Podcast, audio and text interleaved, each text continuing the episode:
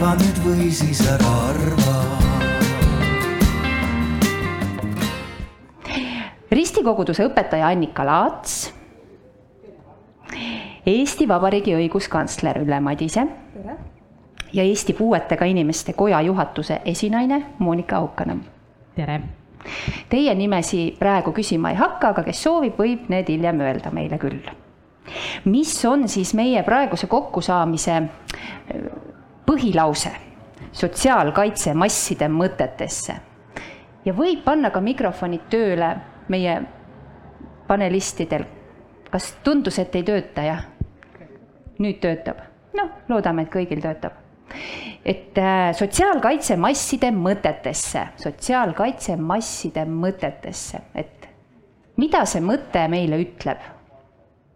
Sotsiaalkaitse masside mõtetesse, kas see siis ei ole veel masside mõtetes? või on, mis Monika Haukanõmm arvab sellest? no kui lähtuda sellest, et küsimus on sellisel moel püstitatud, ju tal siis ikka väike tagamõte on.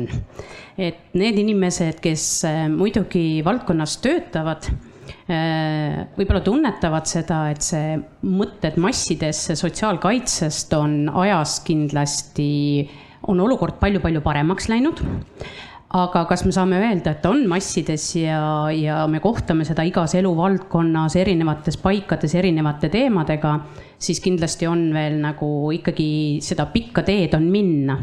et olgu siis tõesti läbi kaasamise, et kas me tunnetame, et on äh, sihtgrupid, keda on vaja, et nad on kaasatud, nad on kaasas, et neid ei ole maha jäetud ja kas äh, meil tegelikult inimestel on erinevaid ressursse et äh, olla kaasas.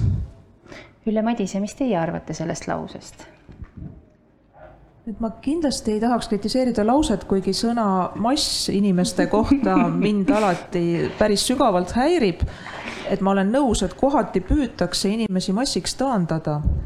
kasvõi kui kuuleme sellest, et kui see nüüd tõsi on, et Briti ja Ameerika üliõpilastel ei lubata või ei soovitata enam lugeda selliseid teoseid, mis tõesti pisarateni liigutavad, et siis mulle tundub, et see on üks samm sinnapoole, kus inimesest, autonoomsest isiksusest oma tunnete, mõtete, vabaduse ja rõhutan, et ka vastutusega üritatakse taandada mingisugune nutune, ajudeta ja vastutuseta selline hädine massiosake noh, mina ei saa sellega nõustuda. nii et seda sõna ma oleks tõesti kritiseerinud, aga küsimus sellest, et kas me kõik oskame iga päev mõelda selle peale, et ühiskond peab pakkuma turvavõrku erinevatel viisidel nendele, kes parasjagu abi vajavad, lühemat või pikemat aega, siis ma arvan, et sellele mõeldakse vähe.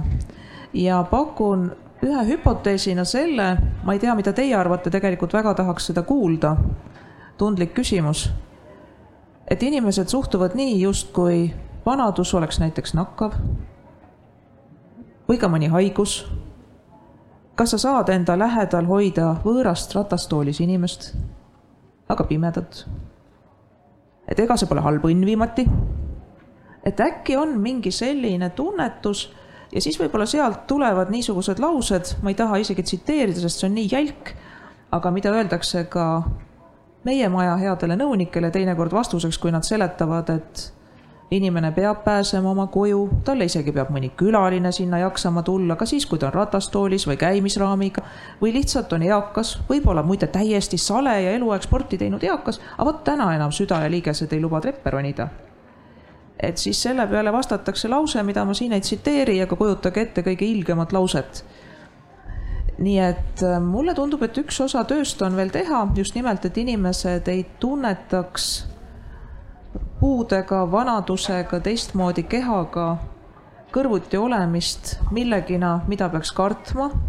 et me oskaksime seda väärtustada, et me oleme kõik erinevad. muide, ma väga vabandan, et ma pidin panema päikseprillid ette, et minu üks paljudest vigadest on see, et ma ei näe hästi ja jällegi, kui valgus on ere, siis kissitan ja jälle ei näe. et see ei ole selleks, et teie eest kuidagi varjuda nii et seda võiks teha küll, ehk me jõuame vestluses sinnani, et kuidas seda saavutada, et inimesed pigem avalalt ja sõbralikult enda kõrval näeks ja täiesti rahulikult suhtleks ka nendega, kes on teistmoodi, erivajadustega. aitäh Annika Laats, mis mõtted on tekkinud? üks mikrofon jupsib, aga nii võib juhtuda. Mingid suuremad jõud on siin mängus. Ülle rääkis selle, ma saan nüüd ma lülitasin sisse-välja, sisse-välja, et saada ta käima. Aga Ülle rääkis selle masside jutu juba ära, nii et, et see, sellega on nüüd korras, eks ju, et seesama küsimus mul oli, ma võtan siis selle teise sõna, selle sotsiaalkaitse. et, et sellesse on ka ju huvitav nagu sügavamalt sisse vaadata, et, ähm, et millest me räägime ja minu jaoks on, võib-olla võtan selle asja natuke siis laiemas plaanis, hästi oluline see, et me saaks aru, et me indiviididena oleme inimesed üksnes siis, kui me taipame, et me oleme osa tervikust, et me saame inimeseks teiste inimeste kaudu. et see on nagu selline, mitte et me oleme juba sündinud inimestena ja siis valmis ja siis tegeleme iseendaga, vaid et see on üks selline pidev saamine, inimeseks kasvamine ja seda on võimalik päriselt selleni jõuda siis, kui me hoomame seda, et me ei saa seda niisuguste väikeste aatomitega üksi ja ainult endale mõteldes, vaid üksnes siis, kui me teiste inimestega koos oleme selles sina-mina suhtes ja see on selline pidev, pidev kasvamine, tõepoolest lakkamatu kasvamine, ma arvan, et elu lõpuni on see, on see kasvamine, kuidas sa taipad seda, et kaitset vajame me kõik ja, ja õpid nägema kõiki neid, keda sa seni märganud pole ja kellest pole aru saanud ja selline minu meelest hästi-hästi põnev teekond, ma ootan nagu huviga, mida, mida elu mulle veel annab õppida hästi armas oleks, kui teie oleksite valmis jagama meiega veidi ka seda, miks inimesed teile olulised on, sest teie kõigi töö puudutab inimesi väga lähedalt. ja miks see teile on oluline, miks te tahate töötada inimestega ja inimeste teemadega? See on nüüd, tundub, et peaks minema natuke ajas tagasi, sest äh, eks see on mingil hetkel elus, kui, kui on olnud mingid, kus sa langetad teatud valikuid. ja kui üks noor inimene valib sotsiaaltöö eriala, siis kindlasti tal on juba mingisugune kutsumus töötada nagu inimestega ja igapäevaselt nende inimestega ka kokku puutuda ehm, minu puhul on päris tihti ka küsitud seda küsimust, et miks, miks ma töötan selles valdkonnas või miks ma teen seda tööd vabatahtlikkuse alusel äh, aastaid. siis äh, ja kas mul ja hästi tihti eeldatakse, et inimesed mm, töötades äh, näiteks puuetega inimese valdkonnas, siis sul justkui peab olema nagu isiklik hästi tihe valulik tihtipeale seos. et ma arvan, et see on üks selliseid äh, ka äh, selliseid mõnes mõttes müüte, aga see on ka ühelt teiselt poolt ka tõsi. aga miks mulle seda meeldib, sellepärast et see annab minule äh, võimaluse olla parem inimene. tegelikult väärtustada mm, teisi inimesi ja ma pean tunnistama, et et ähm, see paneb tihtipeale mind mõtlema ka sellele, et kui ma töötan ja olen nagu erivajadustega või puudega inimestega, siis ma tunnen ennast mõnikord isegi palju paremini ja palju-palju vabamalt, kui võib-olla niinimetatud tavaline inimene, kellega sa suhtled. sest see avatus ja tegelikult elutahe, mm, mis on just äh, erivajadustega või puuetega inimestel, on oluliselt, äh, mulle tundub, äh, suurem. ja see paneb teatud asju väärtustama, paneb nagu hindama ja see annab jõudu, eriti ka endale keerulistes olukordades. ehk siis isiklik puude, isiklik valus puude puudub, vaid pigem on see olnud läbi aastate kasvamise protsess ja tegelikult Äh, tänulikkuse protsess, äh, tänulikkus teisalt ja kolmas tunne, et mul on seda sotsiaalset kapitali, mida jagada ja mida anda. aitäh. et inimesed teevad äh, minule lihtsalt rõõmu. et ma, mulle tundub, et nad justkui toovad minus parimat esile ja siis mina olen väga õnnelik, kui vahel tekib tunne, et äkki olen mina ka aidanud teistel kuidagi paremaks saada, ennast paremini tunda. Et see on üks asi. teine on see, et miks ma olen väga armastanud raamatuid lugeda sellest east peale, kui tähed vanemate kõrval selgeks said. et mind hästi huvitab inimese hing ja selle avaldumisvormid. ja ma tohutu uudishimuga tahan teada saada, et kuidas teised mõtlevad ja tunnevad et lihtsalt mõista kogu seda inimühiskonda, seda väga keerulist kudet. ja kolmandaks, mulle meeldib probleeme lahendada. Nii et ülikooli minnes ma kaalusin kahe eriala vahel, kas arstiks või juristiks. mõlemad lahendavad probleeme ja mõlemal juhul, kui nad teevad seda hästi, siis nad teevad seda mitte enda huvides ja enda kasuks, vaid selleks, et inimestel, teistel oleks hea elada no täiesti kummaline lugu, mul tuleb meelde lapsepõlves, kui oli mingisugune selline mäng, et sa kirjutasid mingi rea, luulerea ja siis keerasid paberi alla ja järgmine jätkas. mul hakkas, tekkis tunne, et me võiks niimoodi raamatut koos kirjutada, et järgmine jätkab, sest Ülle just rääkis mõned mõtted ära, ma mõtlesin sellele, kuidas mind inimesed vaimustavad ja, ja siis tuli ette kodune suur hiiglaslik raamaturiiul, kus ma mõnikord vaatan raamatu selgi ja mõtlen selle peale, et aevake, et siin on see raamatu selg, aga selles sees on terve maailm. et, et seal see, see paar sentimeetrit seal riiulis, seal on terve maailm selles sentimeetris sees. ja samamoodi on ju inimesega, kui ma te, teile praegu otsa vaatan, et ma ei tunne vist peaaegu kedagi siit ja igaüks teist on terve vaimustav maailm oma unistuste ja võlu ja valu ja igatsuste ja mälestuste ja, ja noh, lootusega tulevikuks, et see on vapust, see on täiesti vaimustav.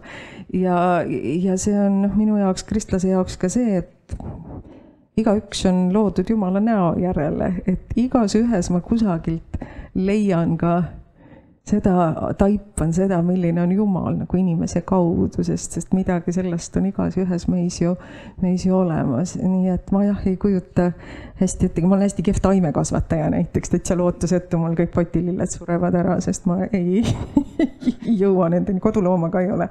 aga inimesed lõputult, lõputult ilusad, kaunid koos oma koos oma kõigi oma külgedega, ka inetute külgedega, kõiges kokku kuidagi nii õrnad, nii haprad, nii tugevad, täiesti uskumatu. seda kõike on väga kaunis kuulata.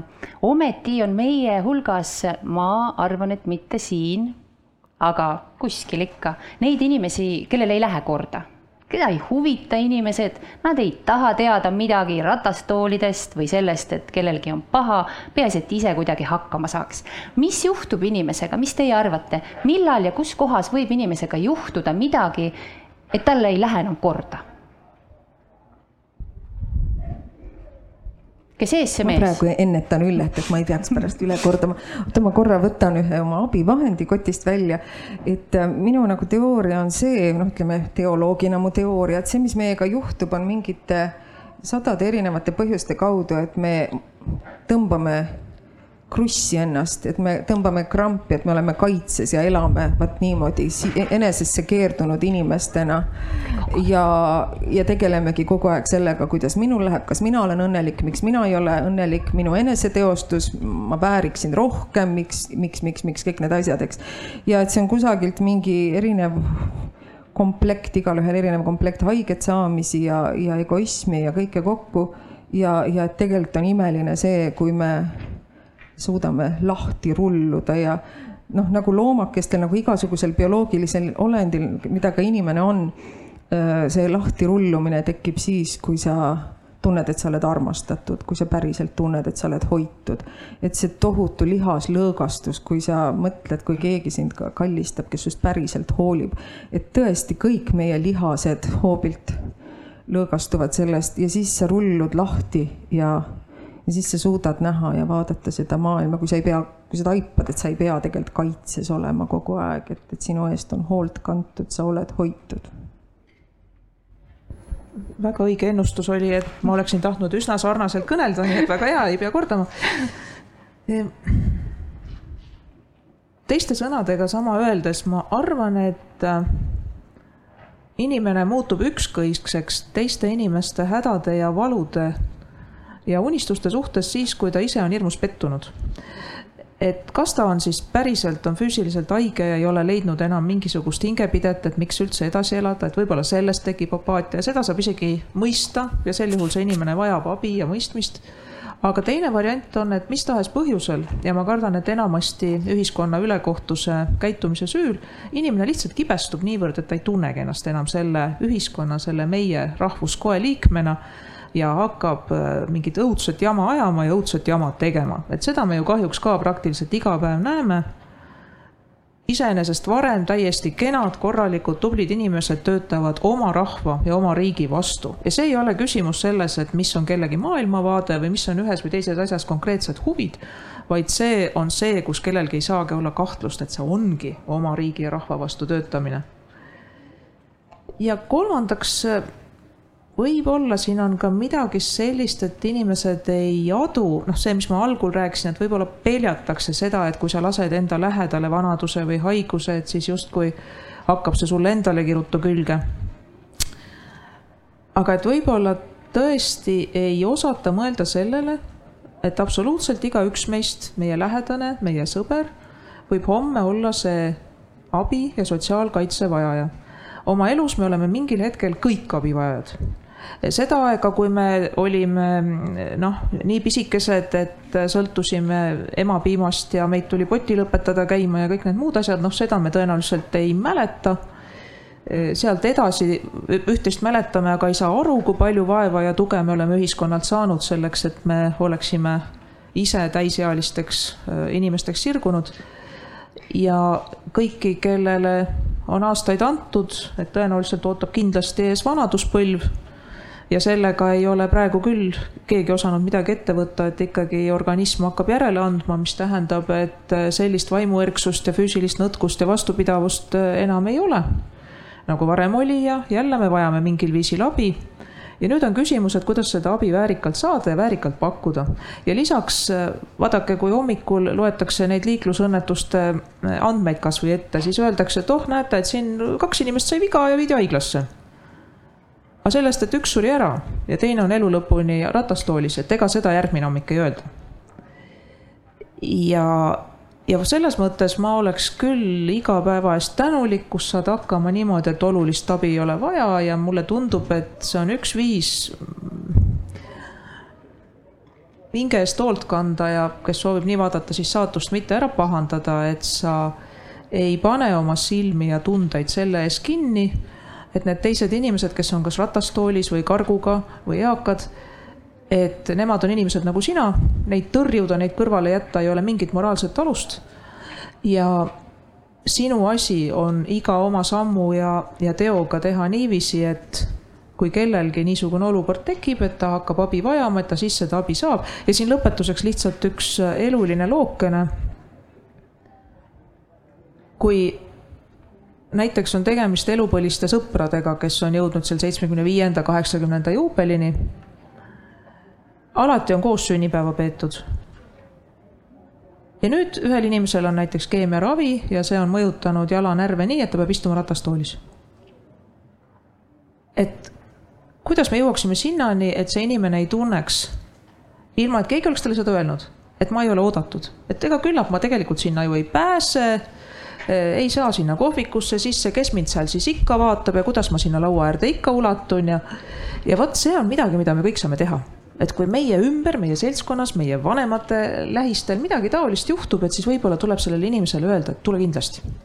tule kindlasti, et meil ongi vaadatud see koht nii, et ega selle pisiasja pärast, et loodetavasti ajutiselt ratastoolis istud, et ega siis sellepärast nüüd ei jää meie sõprussuhe pidama no nii, nüüd on see koht, kus tuleb öelda, eelnevatega täiesti nõus. aga ma tegelikult usun absoluutselt ja siiralt, et tegelikult äh, inimesed on head. inimesed on oma sügavas head. Neil on elus juhtunud midagi, mis äh, on neid võib-olla muutunud kalgiks või ka julmaks, kui nii võib öelda. aga on see siis mingi oma väga valus kogemus aga ma võib-olla tooksin uue mõttena eelnevatele mõtetele lisaks veel selle, et äh, mõnikord selline kõrvaltvaatamine võib-olla parastavalt naermine või näpuga näitamine või mööda kõndimine tuleneb sellest, et tegelikult inimestel on endal ebakindlus või hirm ja nad tegelikult ei oska käituda või tegelikult reageerida mingisugusele olukorrale. et see ei pruugi üldse olla ükskõiksus. Et äh, toon siin ühe näite.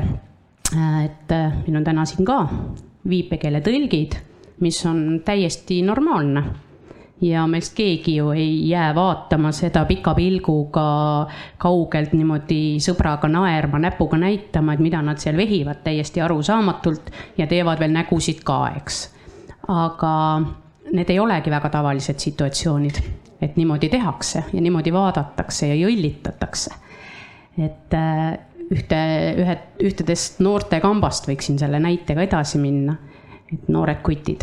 Ja siis äh, viipekeeletõlk oli väga-väga armas, äh, leidlik, lõpetas oma rahulikult tõlk, viiplesid ära edasi. Ja lõpuks, kui ta oli oma jutud lõpetanud omavahel, siis ta läks kuttide juurde ja ütles, et rääkis neile natuke, ütles, et tegelikult viipekeele tõl-, viipekeel on nagu salakeel et kui te tahate midagi näiteks sõbraga rääkida, siis on teil võimalus teha seda niimoodi, et mitte keegi ei saa aru. ja kui te olete näiteks trammis ja sõidate, aga sõber on väljaspool siis te saate isegi siis kõik oma jutud ära räägitud ja see on tegelikult väga äge ja see on vajalik ja miks see on vajalik. Ehk siis selle näitega ma tahtsin lihtsalt öelda, et kindlasti need eh, noored poisid kindlasti ei teinud seda ju mitte sellepärast, et nad olid pahatahtlikud, ei tahtnud, vaid nad lihtsalt vajasid abi. ja ma arvan, et meil ühiskonnana on kohustus ka seda teavitustööd teha, et neid inimesi et inimesed julgeksid ja teaksid, mida teha, kuidas teha ja kindlasti ka seda, mida kindlasti ei tohiks teha, millega me võime siis panna teise inimese hoopis ohtu. sest liigne agarus võib mõnikord olla ka siiski natukene ogarus. kuidas tundub teile, kas üks riik peaks olema tehtud nõnda, et äh, selle inimese järgi, kes on kõige nõrgem või selle järgi, kes on kõige tugevam? või on seal vahepeal veel variante? ja kuidas meil Eestis selle asjaga lood praegu on? Kes jookseb ees ära, kes jookseb järgi, kes üldse seisab koha peal? et see on nüüd väga hea küsimus ja ma haarasin kohe mikrofonist kinni, sest see läheb nii minu eriala kui ka ametiülesannetega väga hästi kokku. valimised on tulemas ja on hästi kahju sellest, et sügavalt maailmavaateliste ja filosoofiliste teemadeni ka sotsiaalkaitse asjades enamasti kampaanias ei jõuta. tegelikult saab ainult rahvalt saadud mandaadi alusel otsustada näiteks seda, et kuidas perekonnas ülalpidamiskohustused peaksid reeglina jagunema. Eesti põhiseaduse järgi üks asi on paigas ja muidugi põhiseadust saab ka muuta, et kui valimistel selgub, et enamik inimesi näiteks tahaks niisugust olukorda, kus kodanikul ei ole vabadust valida seda, kuidas ta elab, ei ole vastutust oma valikute eest, vaid ta annab ennast ära riigi järelevalve alla, riik vaatab, mis ta sööb, mis ta joob, kuidas ta kehakultuuri harrastab, kas uni tuleb õigel ajal. ja siis vastavalt ka riik vaatab, et kuidas ja kuna ta teda aitab et noh, ma loodan, et sellist riiki ei taheta, aga kui keegi tahab, eks siis tuleb põhiseadust muuta. praegu on põhiseaduse järgi nii, et inimene valib ise selle, kuidas ta elab. seadus tõmbab mingisugused piirid vahele, et üks inimene teise inimese elu võimatuks ei tee. Aga põhimõtteliselt on Eesti sotsiaalkaitse küsimustes kogu aeg liikunud üha suurema isikliku vastutuse poole.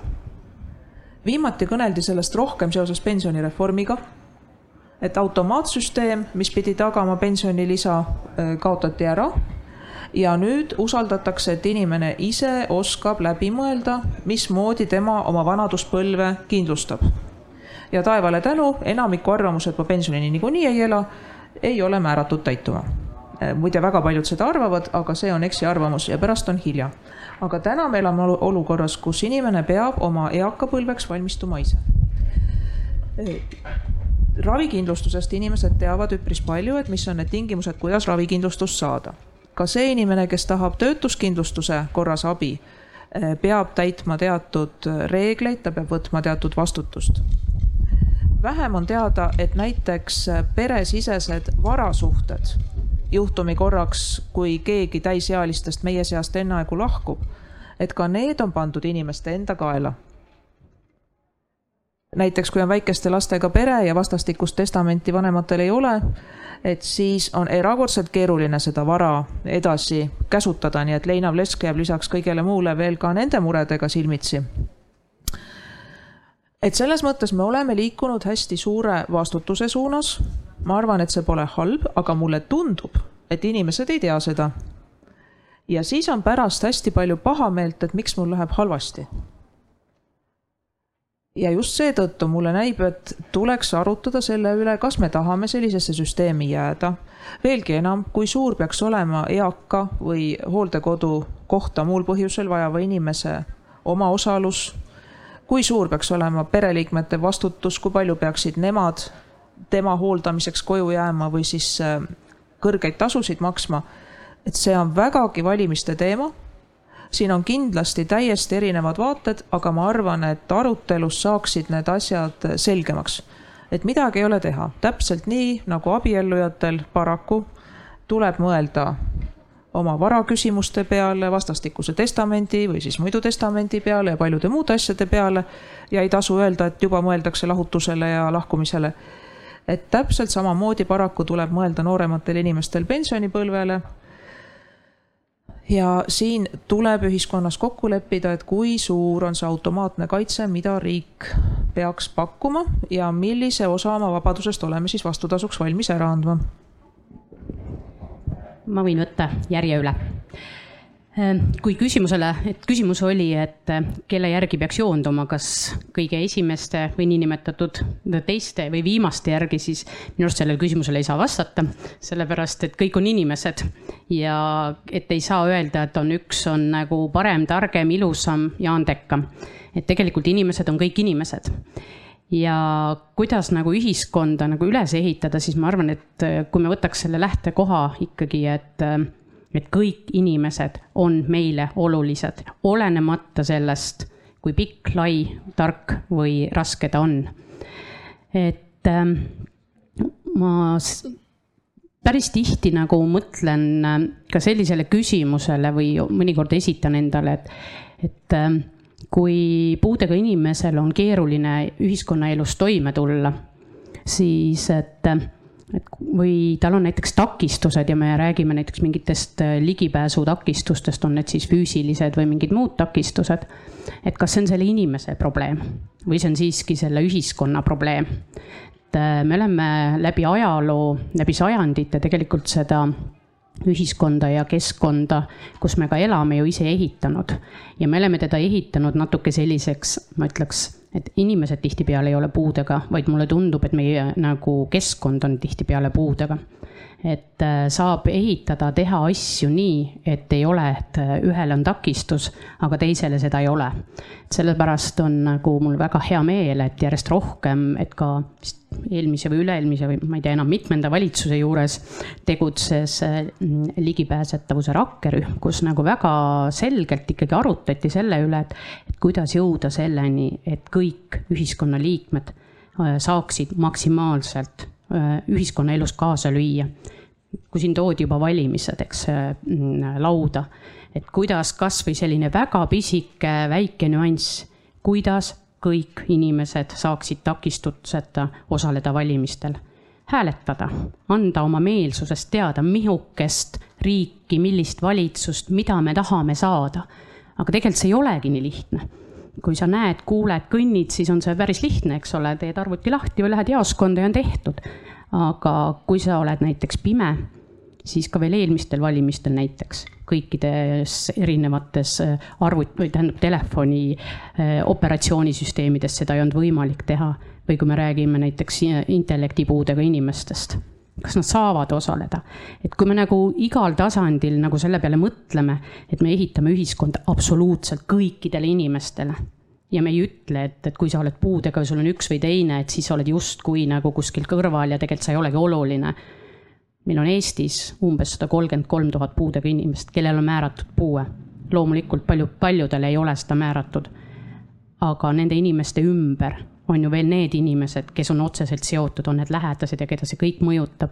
et see on nii suur hulk inimesi tegelikult, et äh, kedagi siit välja lülitada oleks minu arvates Eestis küll nagu kuritegu. mina tulen siis selle küsimuse juurde nõndamoodi, et kuna ma valimistest ja poliitikast ja kõigest sellest pigem ei, ei võta sõna, et see oli huvitav, et nõrgad ja tugevad. et kujutage ette, kui me teeksime praegu mingi sellise rea, nii, siit alustab see, kes on kõige nõrgem ja sinna seisab see, kes on kõige tugevam ja siis rivistugev, nii nagu vahel mingitel siukse jäälõhkumismängudel, eks tehakse sünnipäevade järgi ja nii huvitav, kuhu me keegi astuks. ja huvitav, kuidas see järjekord, kui me paneks selle praegu paika, kuidas see aasta või kahe pärast järsku oleks. et see, kus on inim-, milles inimese nõrkus on või milles on tema tugevus uh, ma küll ei oskaks seda öelda, ma ei oskaks ise kusagile seista ja, ja, ja, ja tegelikult hoiduks sellest väga, ma saan küsimusest väga hästi aru, aga ka see, kui ma mõtlen praegu lastehaigla peale, noh, me räägime puuetega inimestest siin, mina näen vastsündinute osakonnas hingehoidjana töötades seda, kuidas mõni väga tugev pere või inimene, kellel on kõik, kõik, kõik korras, võib nipsust olla erakordselt rängas olukorras ja, ja mitte meditsiini nõrkuse, vaid oh paraku vahel ka meie meditsiini tugevuse tõttu, eks, kus, kus mõni laps, kes ei oleks kümme aastat tagasi, rääkimata viiekümnest aastast, eks ole, elama jäänud, nüüd jääb elama ja see väga heal järjel elu väga ladusas kohas õppib õppinud, haritud perekond ja noh, ennekõike ema sellisel puhul, eks, on täiesti, täiesti kogu sellest elust väljas ja kakskümmend neli seitse ja kolmsada kuuskümmend viis päeva ja magamata ja ainult sondide ja torude ja kõige keskel, eks. et noh, et see, see, see võib nõnda muutuda ja, ja ma ei ütle ka seda, ma ei tea, kas see oleks abistav, ma täna siia jalutades mõtlesin, et kas see oleks abistav, kui me mõtleks sellele, et sa ei või iial teada, millal sa ise sellisesse olukorda satud, sellepärast hooli. no minu jaoks on see natuke võõras mõttekäik, eks et noh, eile ma vist täitsin mingit Statistikaameti küsitlust, kuhu ma olin valimi tõttu sattunud ja seal oli küsitlus Ukraina sõjapõgenike abistamisest, et, et, et miks sa arvad, kui sa olid valinud, et neid tuleb abistada, miks sa arvad, et neid tuleb vali, abistada ja üks variantidest oli see, et sellepärast, et ka meie võime ükskord sellesse olukorda sattuda,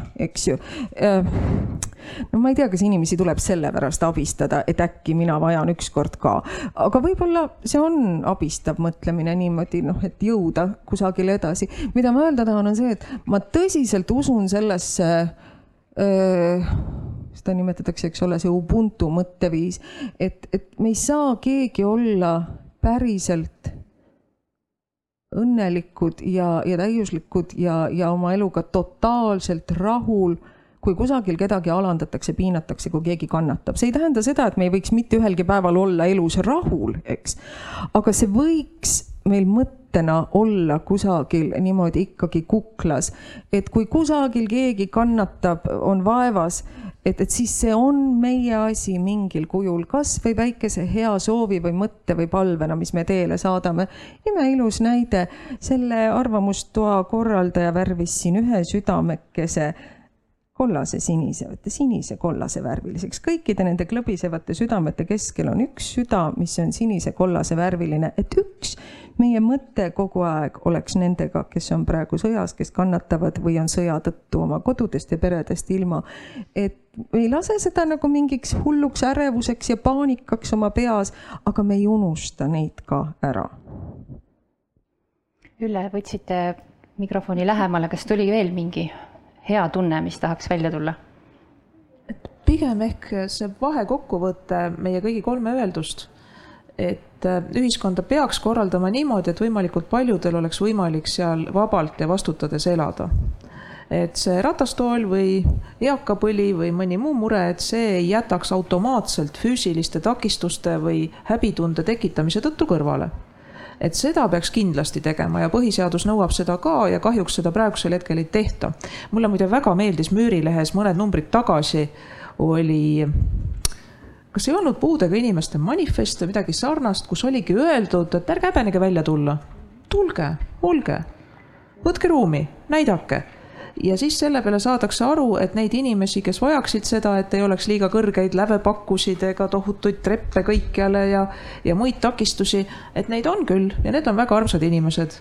ja las nad saavad osa ja sellepärast on hästi hea meel, siin meie seas on ka hea kolleeg Juta, kelle suure pingutuse tulemusel kasvõi seesama viipekeelne tõlge, olgu see valitsuse koroonakonverentsidelt või siis vabariigi aastapäeva aktuselt, kus me saime ka lõpuks siis kirjeldustõlke, et kõik need on saanud teoks et tegelikult inimesed, kui natuke järele mõtlevad, siis on valmis niimoodi vastu tulema küll.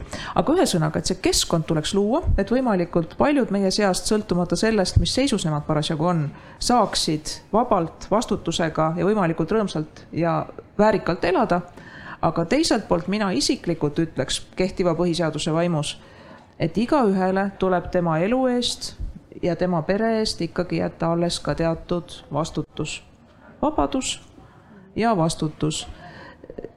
See teeb inimesest inimese, elu ei ole ainult lust ja lillepidu ja midagi pole teha, ka lapsevanema minu meelest kõige raskem ülesanne, kui me ei räägi nii raskes seisus lastest, nagu Annika siin mainis, aga lapsevanema kõige raskem ülesanne on kasvatada oma lapsest hea inimene.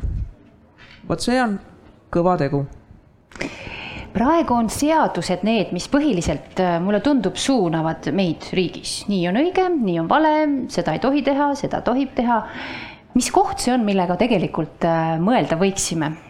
kas äh, seadustest lähtuvalt või on kuskil varem, enne kui seadustest üldse aru hakkame saama, midagi võimalik juba ära teha, et see teadmine, kuidas elus hea elada on mul, mu sõbral, mu emal, suvalisel inimesel. kus see koht on, enne kui ma jõuan selleni, et seadus on see, mille järgi tuleb toimida. Kuidas inimene võiks elada nii, et võib-olla seadus ei olegi see, mis ütleb mulle, mis on õige või vale, ma ise tunnen selle ära. kui te saate mu väga huvitavast konstruktsioonist aru?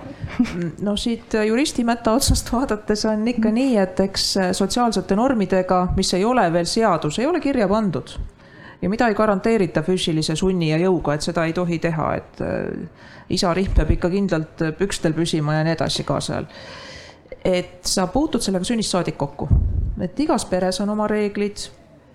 Ehm, ma ei väsi kordamast, et minu arvates on lugemine tohutult tähtis ja see, et sa puutud kirjanduses kokku ka selliste süžeedega, mis äh, panevad mõtlema, kaasa tundma, võib-olla isegi nutma, et see kõik tegelikult kujundab, et sa leiad kirjandusest, filmidest endale kangelasi, kellega samastuda ja siis jälle neid, kes sinu arvates on põlgusväärsed ja siin kindla peale algul vanemad ja hiljem juba siis sõbrad ja õpetajad aitavad kaasa, et see ongi mingi niisugune hea ja halva eristamise võime. ja seadus tuleb alles selle järel ja mina ütleks, et selle seadustega on ka põhiseaduse mõttes juba liiale mindud ühiskonnana minu arvates me ei peaks tahtma, et meile kirjutatakse karistuse ähvardusel ette, kas me peame oma käsi pesema ja kas me peame seda, teist või kolmandat tegema minu arvates on see lubamatu ja ma ise suhtun kahtluse ja teatava põlgusega ka sellesse, mida nimetatakse niinimetatud nügimiseks või, või mis iganes, et, et sundida inimesi siis riigi suuniste järgi mingil viisil käituma. Võimalik, et ma olen siin erandlik ja jällegi väga tahaks teada, kuidas teie tunnete, aga minu jaoks on väga väikesest lapsest saadik olnud hästi oluline, et ma tunnen seda, et mul on valikuvabadus ja mul on ka vastutus minu vanemad minule selle jätsid ja ausalt öeldes ma arvan, et tänu sellele ma olin palju korralikum laps, kui ma oleksin olnud siis, kui keegi oleks mu peale karjunud või oleks mulle öelnud, mis kell ma pean kodus olema. Et ma püüdsin jõuda kokkulepitud ajaks sellepärast, et ma ei tahtnud, et minu vanemad muretsevad, mitte sellepärast, et ma oleks arvanud, et mind ootab koduarest. ja, et ähm mulle tundub küll, et see kodune kasvatus tuleb siin ja mulle samamoodi tegelikult üldse ei meeldi, kui me lõpuks peame kõik üksipulgi väga detailideni panema kõik, kõik, kõik kirja seadusesse sest siis juhtub tegelikult see lugu, aga kui seda ühte asja seal ei ole, mis ma siis teen ja siis ma olen justkui nagu abitus olekus, sellepärast et keegi ei ütlegi nagu, et see hakkab mulle natuke meenuma, kui me nagu sellesse faasi jõuaksime, siis mul millegipärast hakkab tulema selline Orwelli ja Loomade farmi nagu natuke raamat meelde, kus noh, et suur vend tuleb ja õpetab ja ütleb, eks ju, kogu aeg. et tegelikult ikkagi selline maalähedane arusaamine, et ära tee seda teistele, mida sa ei taha, et sulle tehakse. et meil on olemas siuksed ühiskondlikult kokku lepitud äh, head normid, kuidas me käitume ja mida me teeme, kasvõi see, et me märkame üksteist, me aitame üksteist, sest noh kui ikkagi näiteks suvel keegi läheb ujuma ja jalg läheb krampi ja uppumisoht, ega me siis ju, keegi ei ole ju kuskil kirja pannud, et me peame teda päästma minema, eks, et see on ikkagi instinkt, mida me teeme. et kui me näeme inimest, siis me tegelikult ju teda ka aitame. aga seega ma ei, ma ei taha öelda, et seadusi pole vaja, kindlasti on, et eriti kui me räägime siin mingitest puuetega inimeste võib-olla valdkondadest, kus äh, teadlikkus ei ole veel nii kaugele jõudnud ja me ikkagi peame midagi reguleerima ja normeerima, et siis on see asjakohane, aga see piir on vist küll selline äh, väga tähtis hoida seda piiri ja tasakaalu minu kui teoloogi süda praegu ikka rõõmustab küll täiesti, täiesti rõõm on kuulata, sest tegelikult väga, ma ei, ma ei taha väga sügavalt teiega le, täiskasvanute leerikursusesse minna, aga see, mida te praegu räägite, see on ju täpselt see Vana-testamendi käsu noh, seadus, seaduse põhimõtted, mida ületab kauges kaares armastus armastus, milles on alati vabadus ja vastutus sees. et sa ei tee seda, mida sa pead tegema, hambad ristis, teed ära selle miinimumi, mida seadus nõuab, vaid sul on vabadus teha kaugelt üle selle inimesele. lihtsalt ülevoolavas armastuses, no noh, kui me mõtleme vähegi oma inimsuhete, oma armsate inimsuhete peale sa ei, sa ei tee ju seda, mida peab tegema inimesega, keda, keda sa armastad või kes sind armastab. vaid armastus on ääretult loov ja, ja vastutulelik ja vaatab teise peale ja unustab ennast ja sedasi on tegelikult ääretult ilus elada. me, see ei saa kunagi olema taevariik, aga see on alati mingisugused taevariigi kiired meie keskel, mida me omavahelistes suhetes tohime, tohime kohata ja see on mis iganes. korjad punasestreid korvitäie ja lähed annad sellele, kellel ei ole ja vot see on see, mis minu meelest lastele meelde jääb. üks on see, mida ma alati ütlen, et noh, et mitte, et räägi lapsega, vaid, vaid aruta ja kuula, eks ju, aga tegelikult see, mida laps õpib selle kaudu, mida sa lihtsalt teed lapsevanemana, siinkohal ma mõtlen praegu oma vanemate peale, tuleb lihtsalt mingisuguseid lapsepõlve heiastusi meelde, mida ema kuidagi nii loomulikult tegi või isa või kellelegi viis midagi, kellelegi midagi toimetas kusagil, eks. et see on see, mille kaudu inimene kasvab ju tegelikult, eks, ja võtab loomulikult üle ja, ja taipab seda, et et, et kogukond loeb ja et ta on osa tervikust, mida ma kogu aeg jälle selle juurde tagasi tulen, et me saame inimeseks läbi teiste inimeste et vaat kui tore, et kristlik filosoofia ja õigusfilosoofia nii kenasti rööbiti jooksevad. et rõhutangi igaks juhuks üle, et ega see, et mõni asi seaduses otsesõnu keelatud ei ole, ei tähenda veel, et see lubatud on.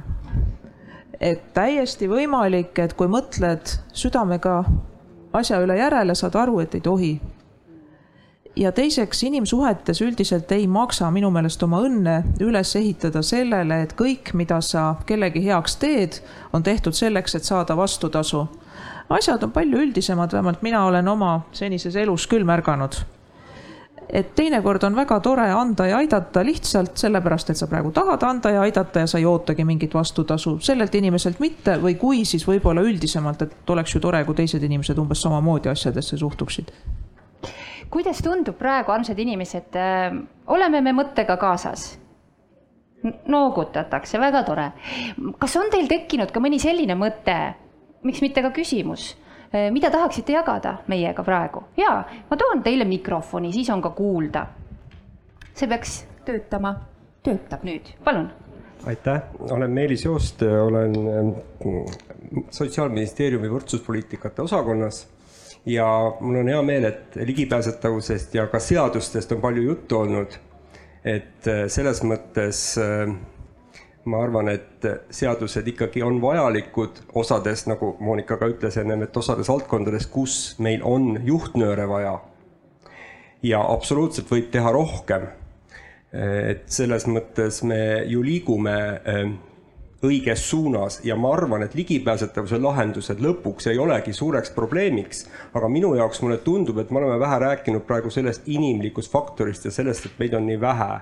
et ütleme niimoodi, et armastada siin teises ja kolmandas kohas, noh, sa lihtsalt ei saa ennast lõhki tõmmata, et kui sa tahad aidata näiteks oma eakat vanemat ja sa teed tööd, tööd kuskil ja seal on sul pere kes ka võib-olla mingil hetkel vajavad abi, et siis see inimfaktor on minu meelest suureks probleemiks, et äh, aja, hajaasustuses ka era, eriti, et sa ei leiagi lihtsalt seda lahendust, kuidasmoodi see sotsiaalkaitse massidesse jõuab, sellepärast et seda massi on suhteliselt vähe. ei ole inimest, kes aitaks, kui on abi vaja ja, näiteks. et isegi kui sul on võib-olla võimalus, rahaline võimalus see abi nii-öelda hankida, riik küll liigub ju järjest tegelikult abistamise suunas, siis kes on see konkreetne abistaja, siin võib tekkida selline küsimus. aitäh. aitäh, on meil mõni vastuse mõte ka? et kuna siin seadusi on mitu korda mainitud, siis äh, loomulikult ei arva minagi seda, et äh, õiguste piirangud ja inimestele seatavad kohustused oleks võimalikud teisiti kui seadustega. nii et kindlasti kasvõi ettevõtjate ja arendajate kohustus arendada avalikke hooneid, avalikke ruume ja ka eluruume ja ka hooldekodude ruume niiviisi, et need oleksid ligipääsetavad, tervislikud et see on kõik täiesti arusaadav, see on vajalik, nii see peabki olema, seda kahtluse alla üldse ei sea. küll aga oleks nõudlikum nende seaduste täitmise tagamise küsimustes, sest pahatihti ka nendes asjades on nii, et seaduse nõue on, aga tulemust ei paista ja seal saab kindlasti palju ära teha. sellega väga nõus, et neid inimesi, kes oleks valmis abistama, on puudu. Samas neid, kes meil on olemas, tahaks kiita, ka meie maja kontrollkäikude aruanded. Algavad enamasti sellega, et hooldekodus need tegevusjuhendajad ja kes seal teised töötajad on, et nad on südamlikud, nad on kenad, suhted on head, aga neid on väga vähe nii et kuidas jõuda sinnani, et see oleks elukutse valikuna või siis kogukondliku töö valikuna suuremale hulgale inimestele atraktiivne, et see on tõesti küsimus. ja vastust ei ole, ma saan aru vist ei ole üheski riigis väga häid vastuseid, aga ausalt öeldes, kui siin meie neljakesi peaksime seda välja mõtlema, siis ma arvan, et me mõningad võimalused mõtleks välja, et kuidas seda saavutada ja need ei ole tegelikult utoopilised. kui tohib. muidugi võib. mul läks natuke mõte sellele pool, selle, seda rada, et kui meil on inimesi vähe ja me suudame seda keskkonda, kogukonda luua selliselt, et inimesed saaksid võimalikult kaua, võimalikult hästi, võimalikult väikese kõrvalise abiga hakkama. Siis läheb inimesi vähem vaja, noh, kasvõi trepist üles või alla aitamisel, eks ole, esimeselt või teiselt korruselt.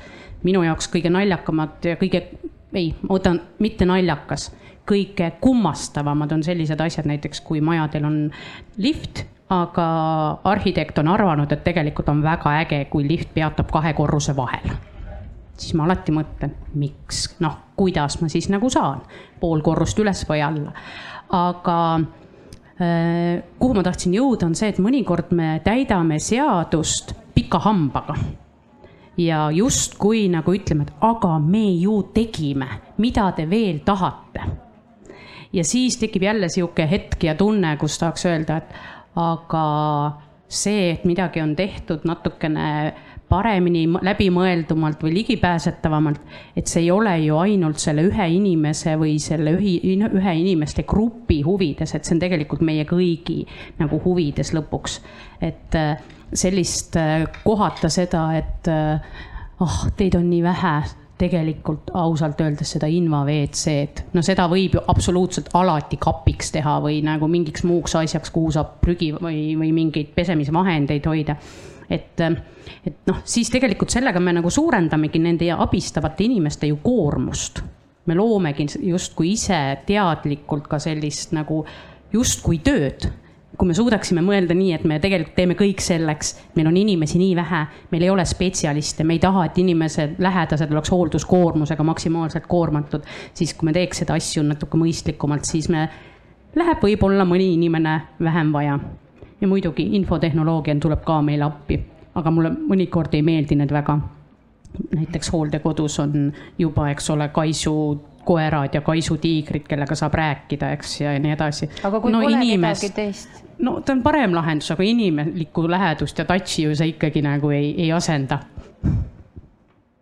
ja, ja veel mõni mõtteküsimus, muidugi. palun. nii pannakse kohe tööle ka? jaa. teema oli selles, et meil on abistajaid liiga vähe. et võib-olla aitab mõelda ka see, et ähm, kas abistama kõiki tegevusi, milles inimene abi vajab, peab abistama professionaal. ja kui meie tänane arutelu teema oli, et sotsiaalkaitse massidesse, sõna oli halb, et äh, sotsiaalkaitse kogukondadesse, võib-olla on mõned äh, tegevused, mida täna inimesed vajavad, on võimalik teha kogukonna toel. ja kui kogukond saab hakata ennetama ja teda lastakse inimeste juurde abistama ilma liigsete piiranguteta, aga mõistlike korralduste või mingi regulatsioonidega, et siis me saame ennetusega hoida ära selle, et neid abivajaid inimesi võib-olla hiljem on natukene vähem. Ja ma võin tuua näiteid, et tegelikult see ka päriselt toimib niimoodi, et ma võin isiklikult öelda, et ma tean väga head juuksurit, kes abistab täna, ta ei ole professionaal, aga ta abistab tõsise vaimse tervisehäirega inimest, et ta omandaks uusi oskusi ja tuleks toime ja otsiks omale uue rolli. et tegelikult on kogukondades see valmisolek olemas, küsimus on selles, et ega me liiga üle ei reguleeri ja ise piiranguid ei sea, et me ei lase minna abistamise võimalusel ja oskusel kogukondadesse ja massidesse. aitäh. kas see mõte tekitas mõtteid? ma olen selle masside puudumisega hajaasustuses nagu igapäevaselt väga kursis seal oma Harju ristil asuvas maakoguduses, mis ulatub kaugele sinna mereni välja, kusagil Allikleppa taha seal Harjumaal. ja, ja, ja näen tõepoolest seda, mida te kõik ka teate, eks, et ähm, hajaasustuses olla abivajaja on ääretult palju raskem, olgu siis puudega last kasvatav lapsevanem või midagi muud, eks.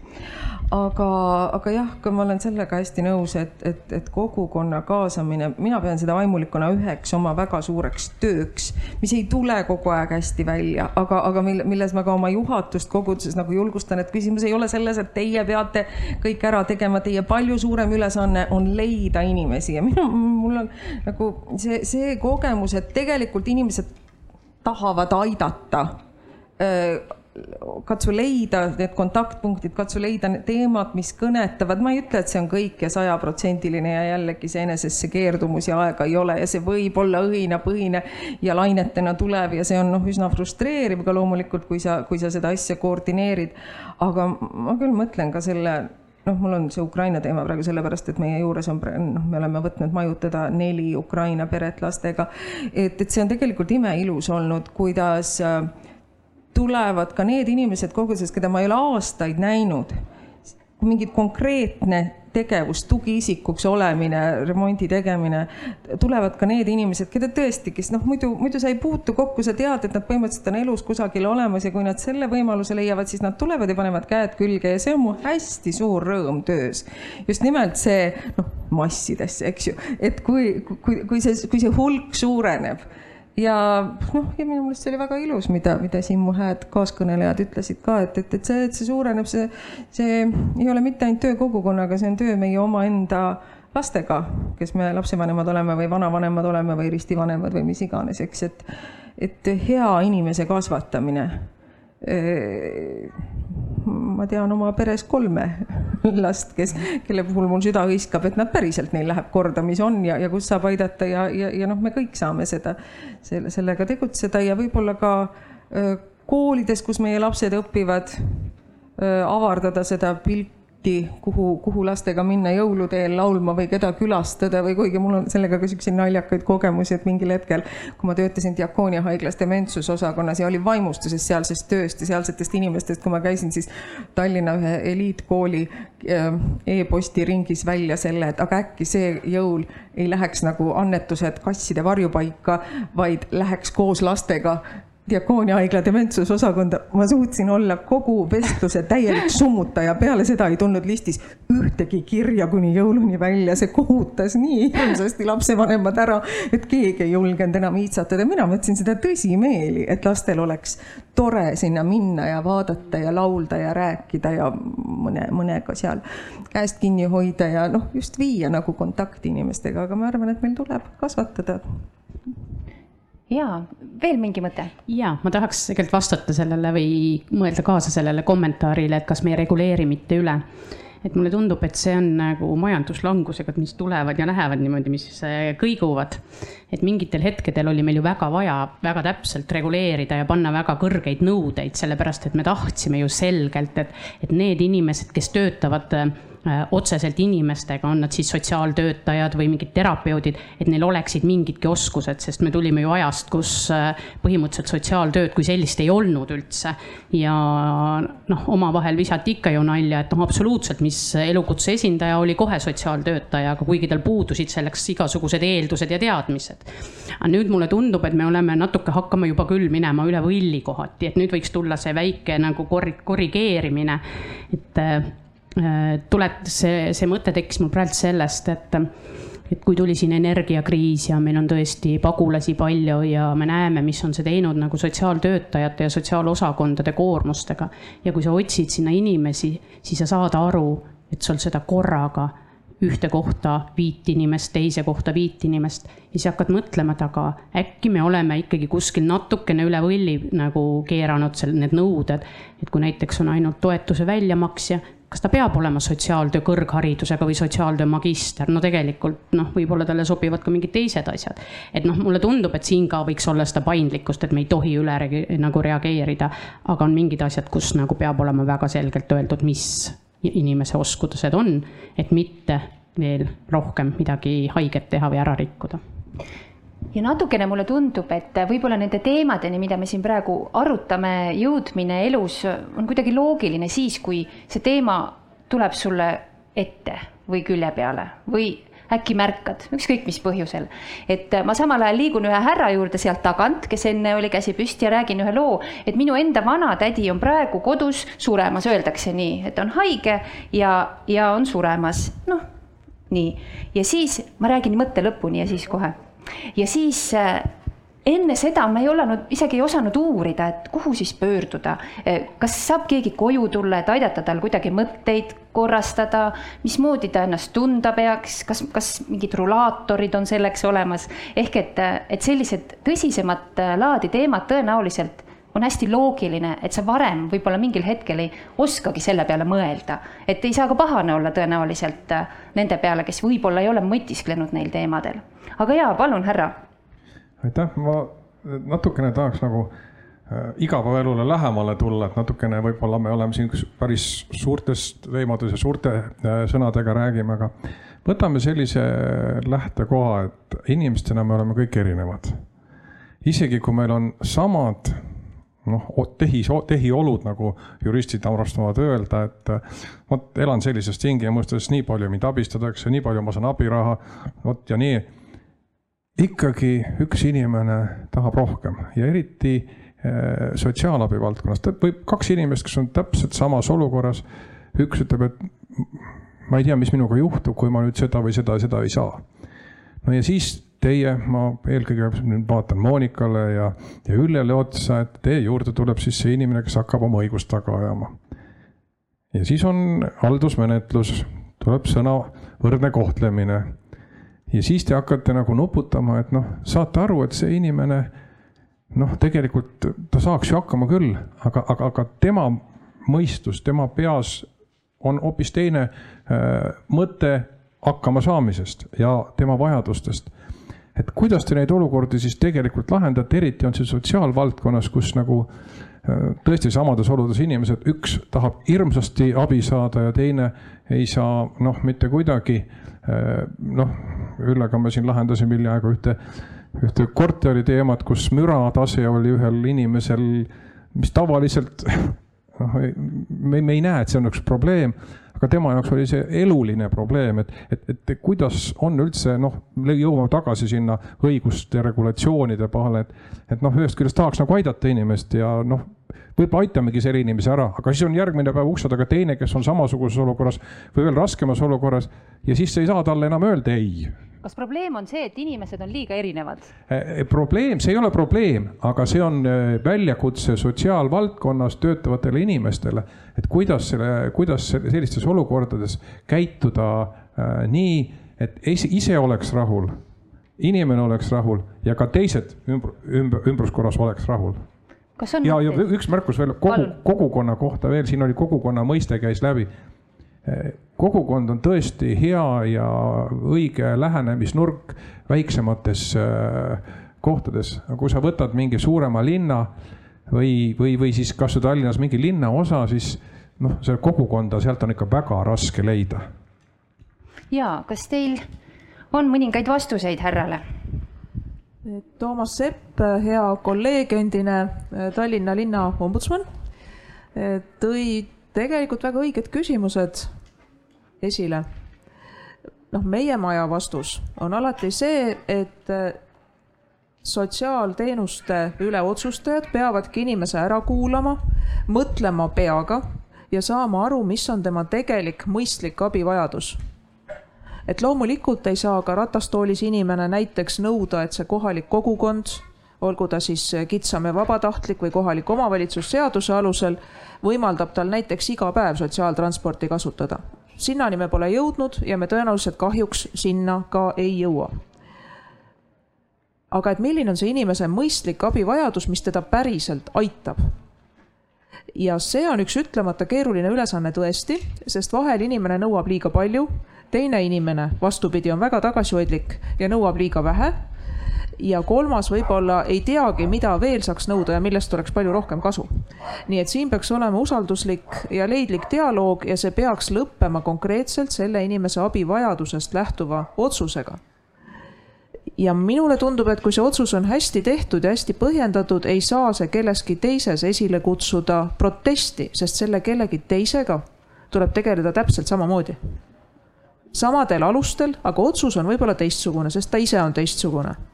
kui ühel on vaja sotsiaaltranspordiga jõuda kutseõppesse kolm korda nädalas ja sealt ka tagasi, siis on täiesti võimalik, et tema saabki kolm korda nädalas selle transpordi aga teine inimene, kes ütleb, et teda huvitavad näitused, ta tahab näitusele minna, no tema ei saa kolm korda.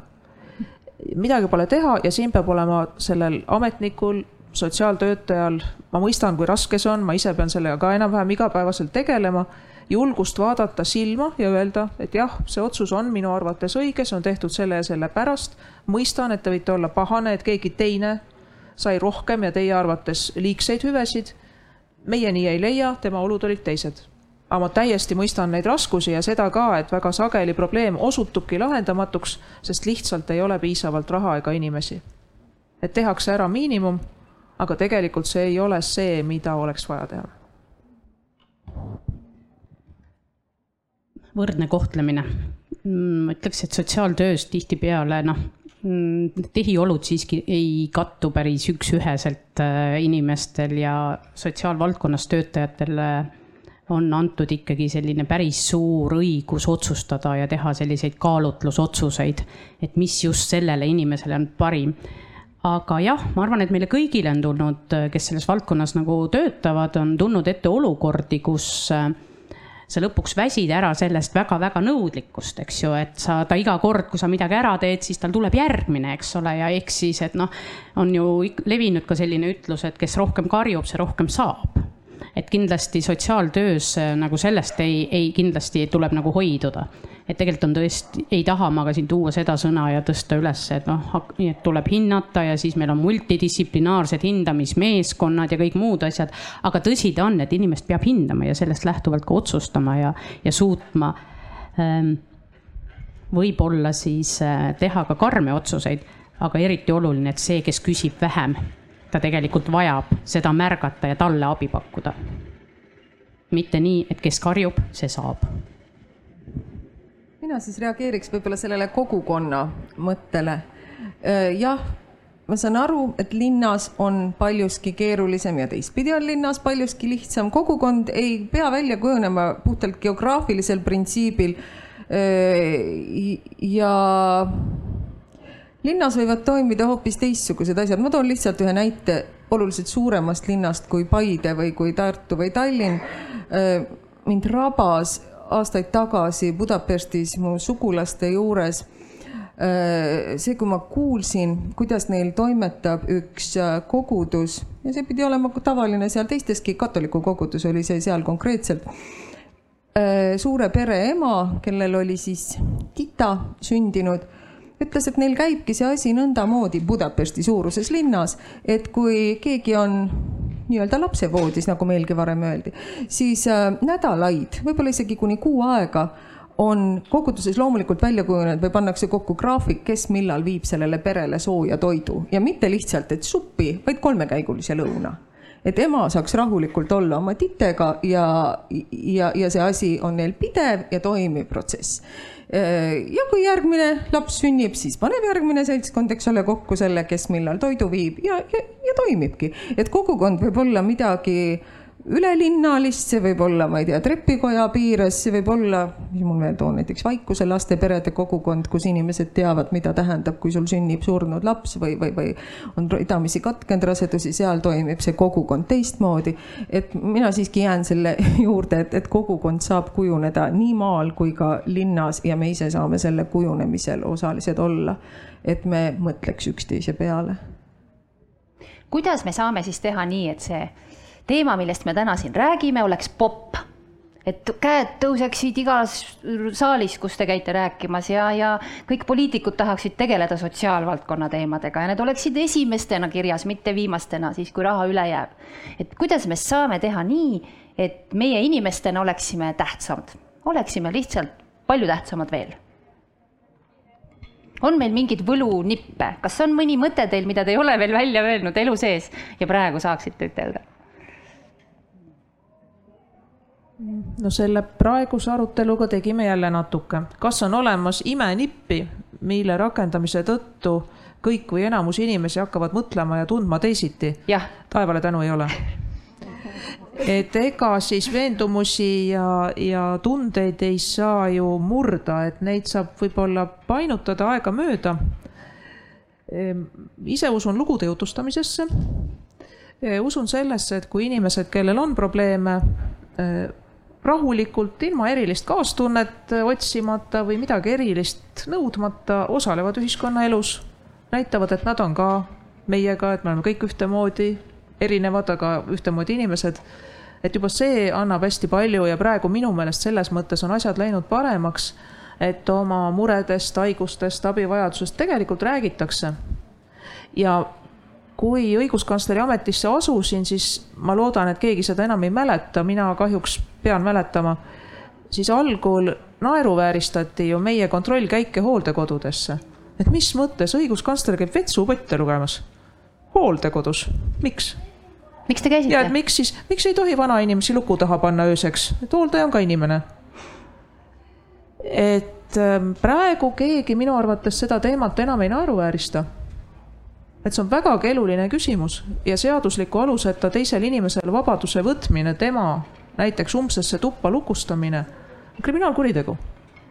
miks me käisime, sellepärast et äh, see on üks minu ametiaja prioriteete, et just ka eaka põlve väärikus, täpselt nii nagu puuetega inimeste väärikas osalemine ühiskonnaelus, mis ei tähenda, et antakse mingi kõrgem prioriteet, vaid antakse võimalikult võrdsed võimalused iga inimene on milleski piiratud ja osa meie seast kahjuks on väga tugevalt piiratud, nad on mingis mõttes kangelased, kui nad tulevad välja, nad ei häbene.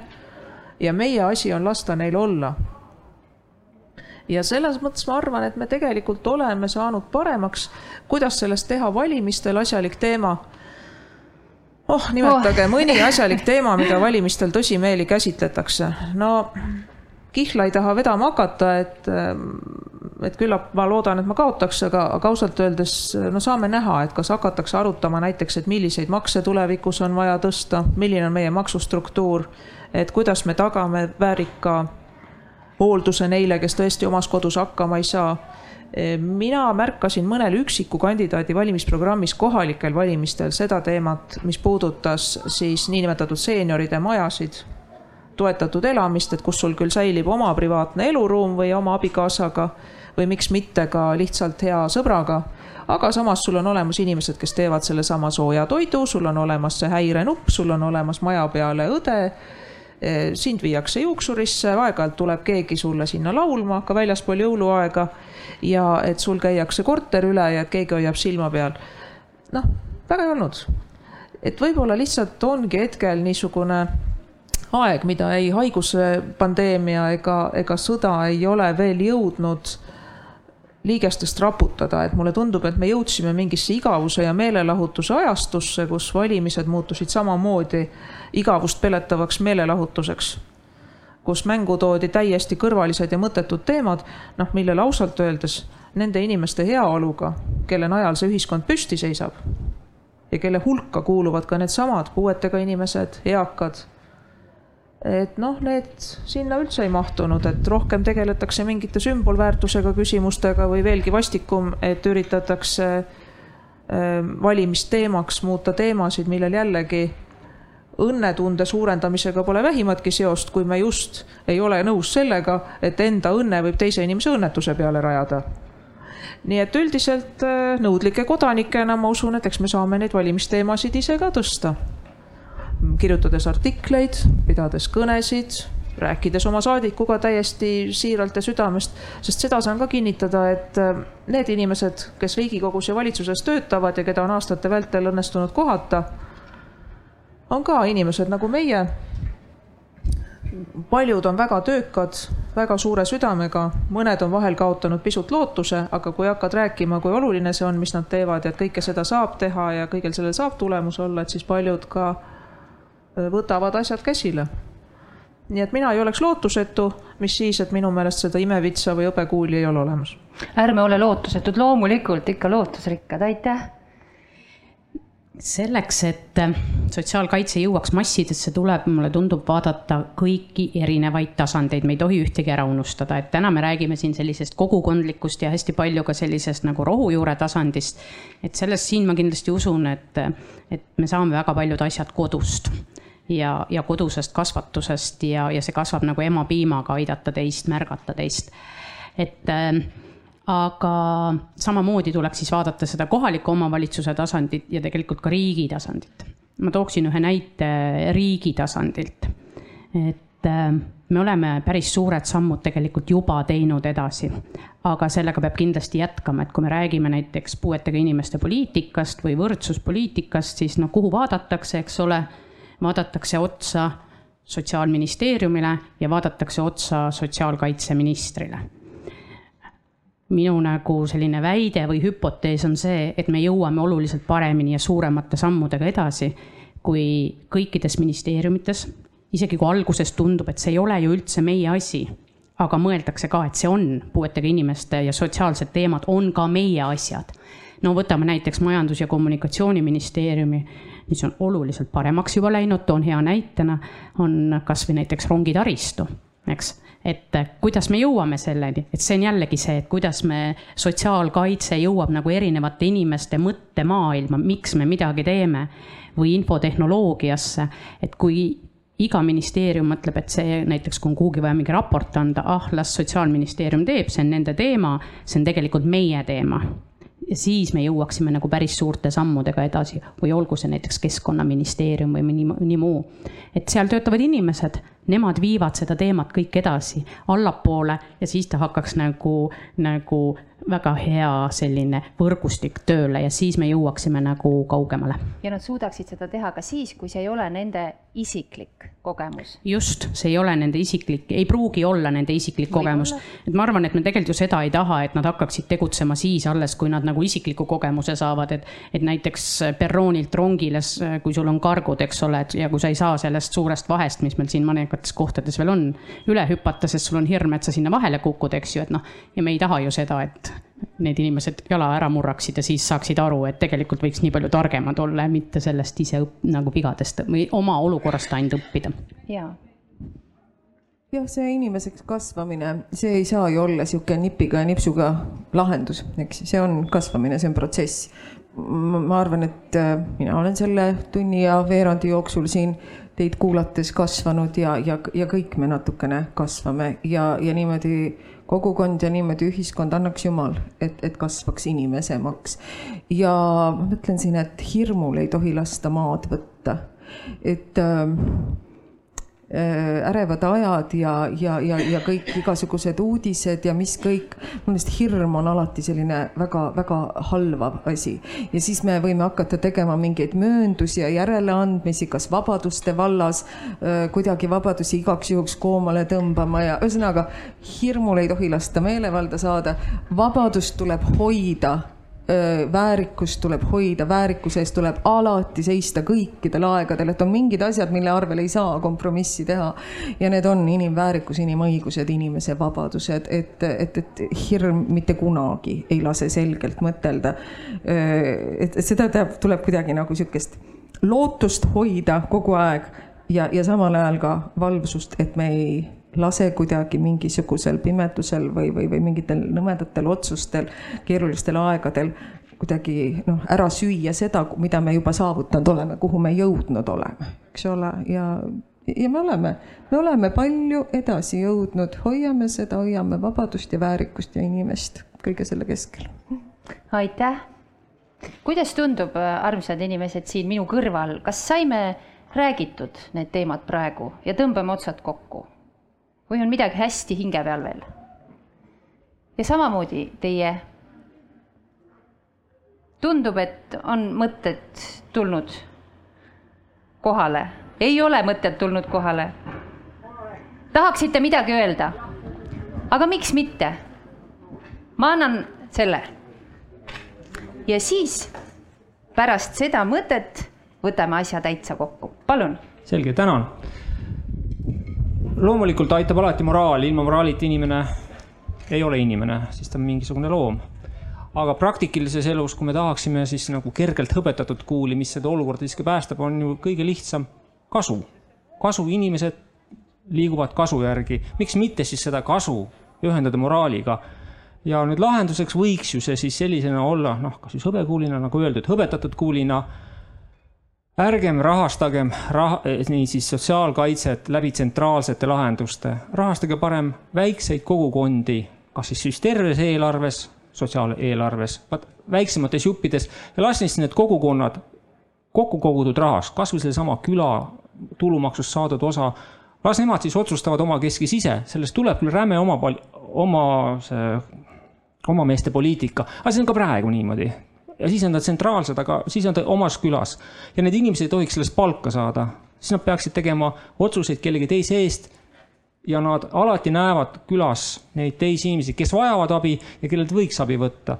külas on mitte ainult puuetega inimesed, on ka teistsugused puued nagu rikkuse puue, mõned on nii rikkad, et see on puue. ja ka neid inimesi tuleb aidata.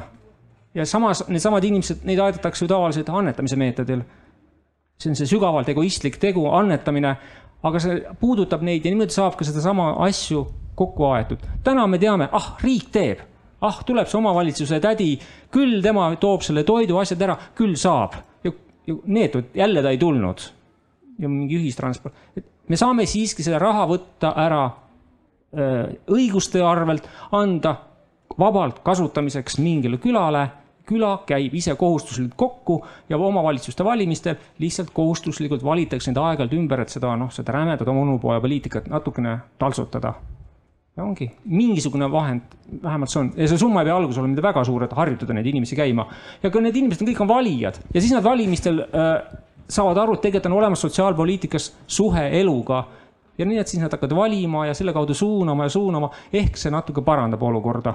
noh, abiks seegi aga kui me ütleme, et riik, ähm, vabandust kui me ütleme, et riik ei suuna tähelepanu sotsiaalküsimustele, siis pool Eesti eelarvest on ju sotsiaaleelarve, pool.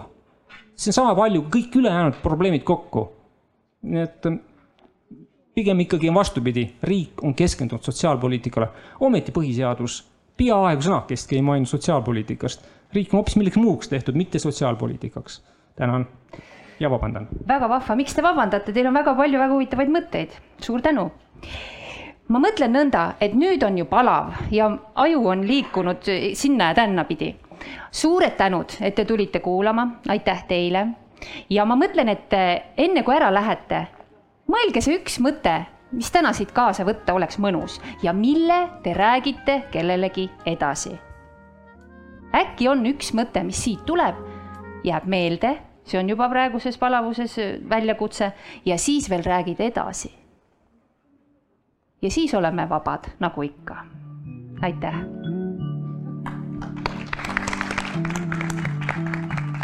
selge see, et ega kõike kõike teha. puudub laud ja mängida edasi me peame.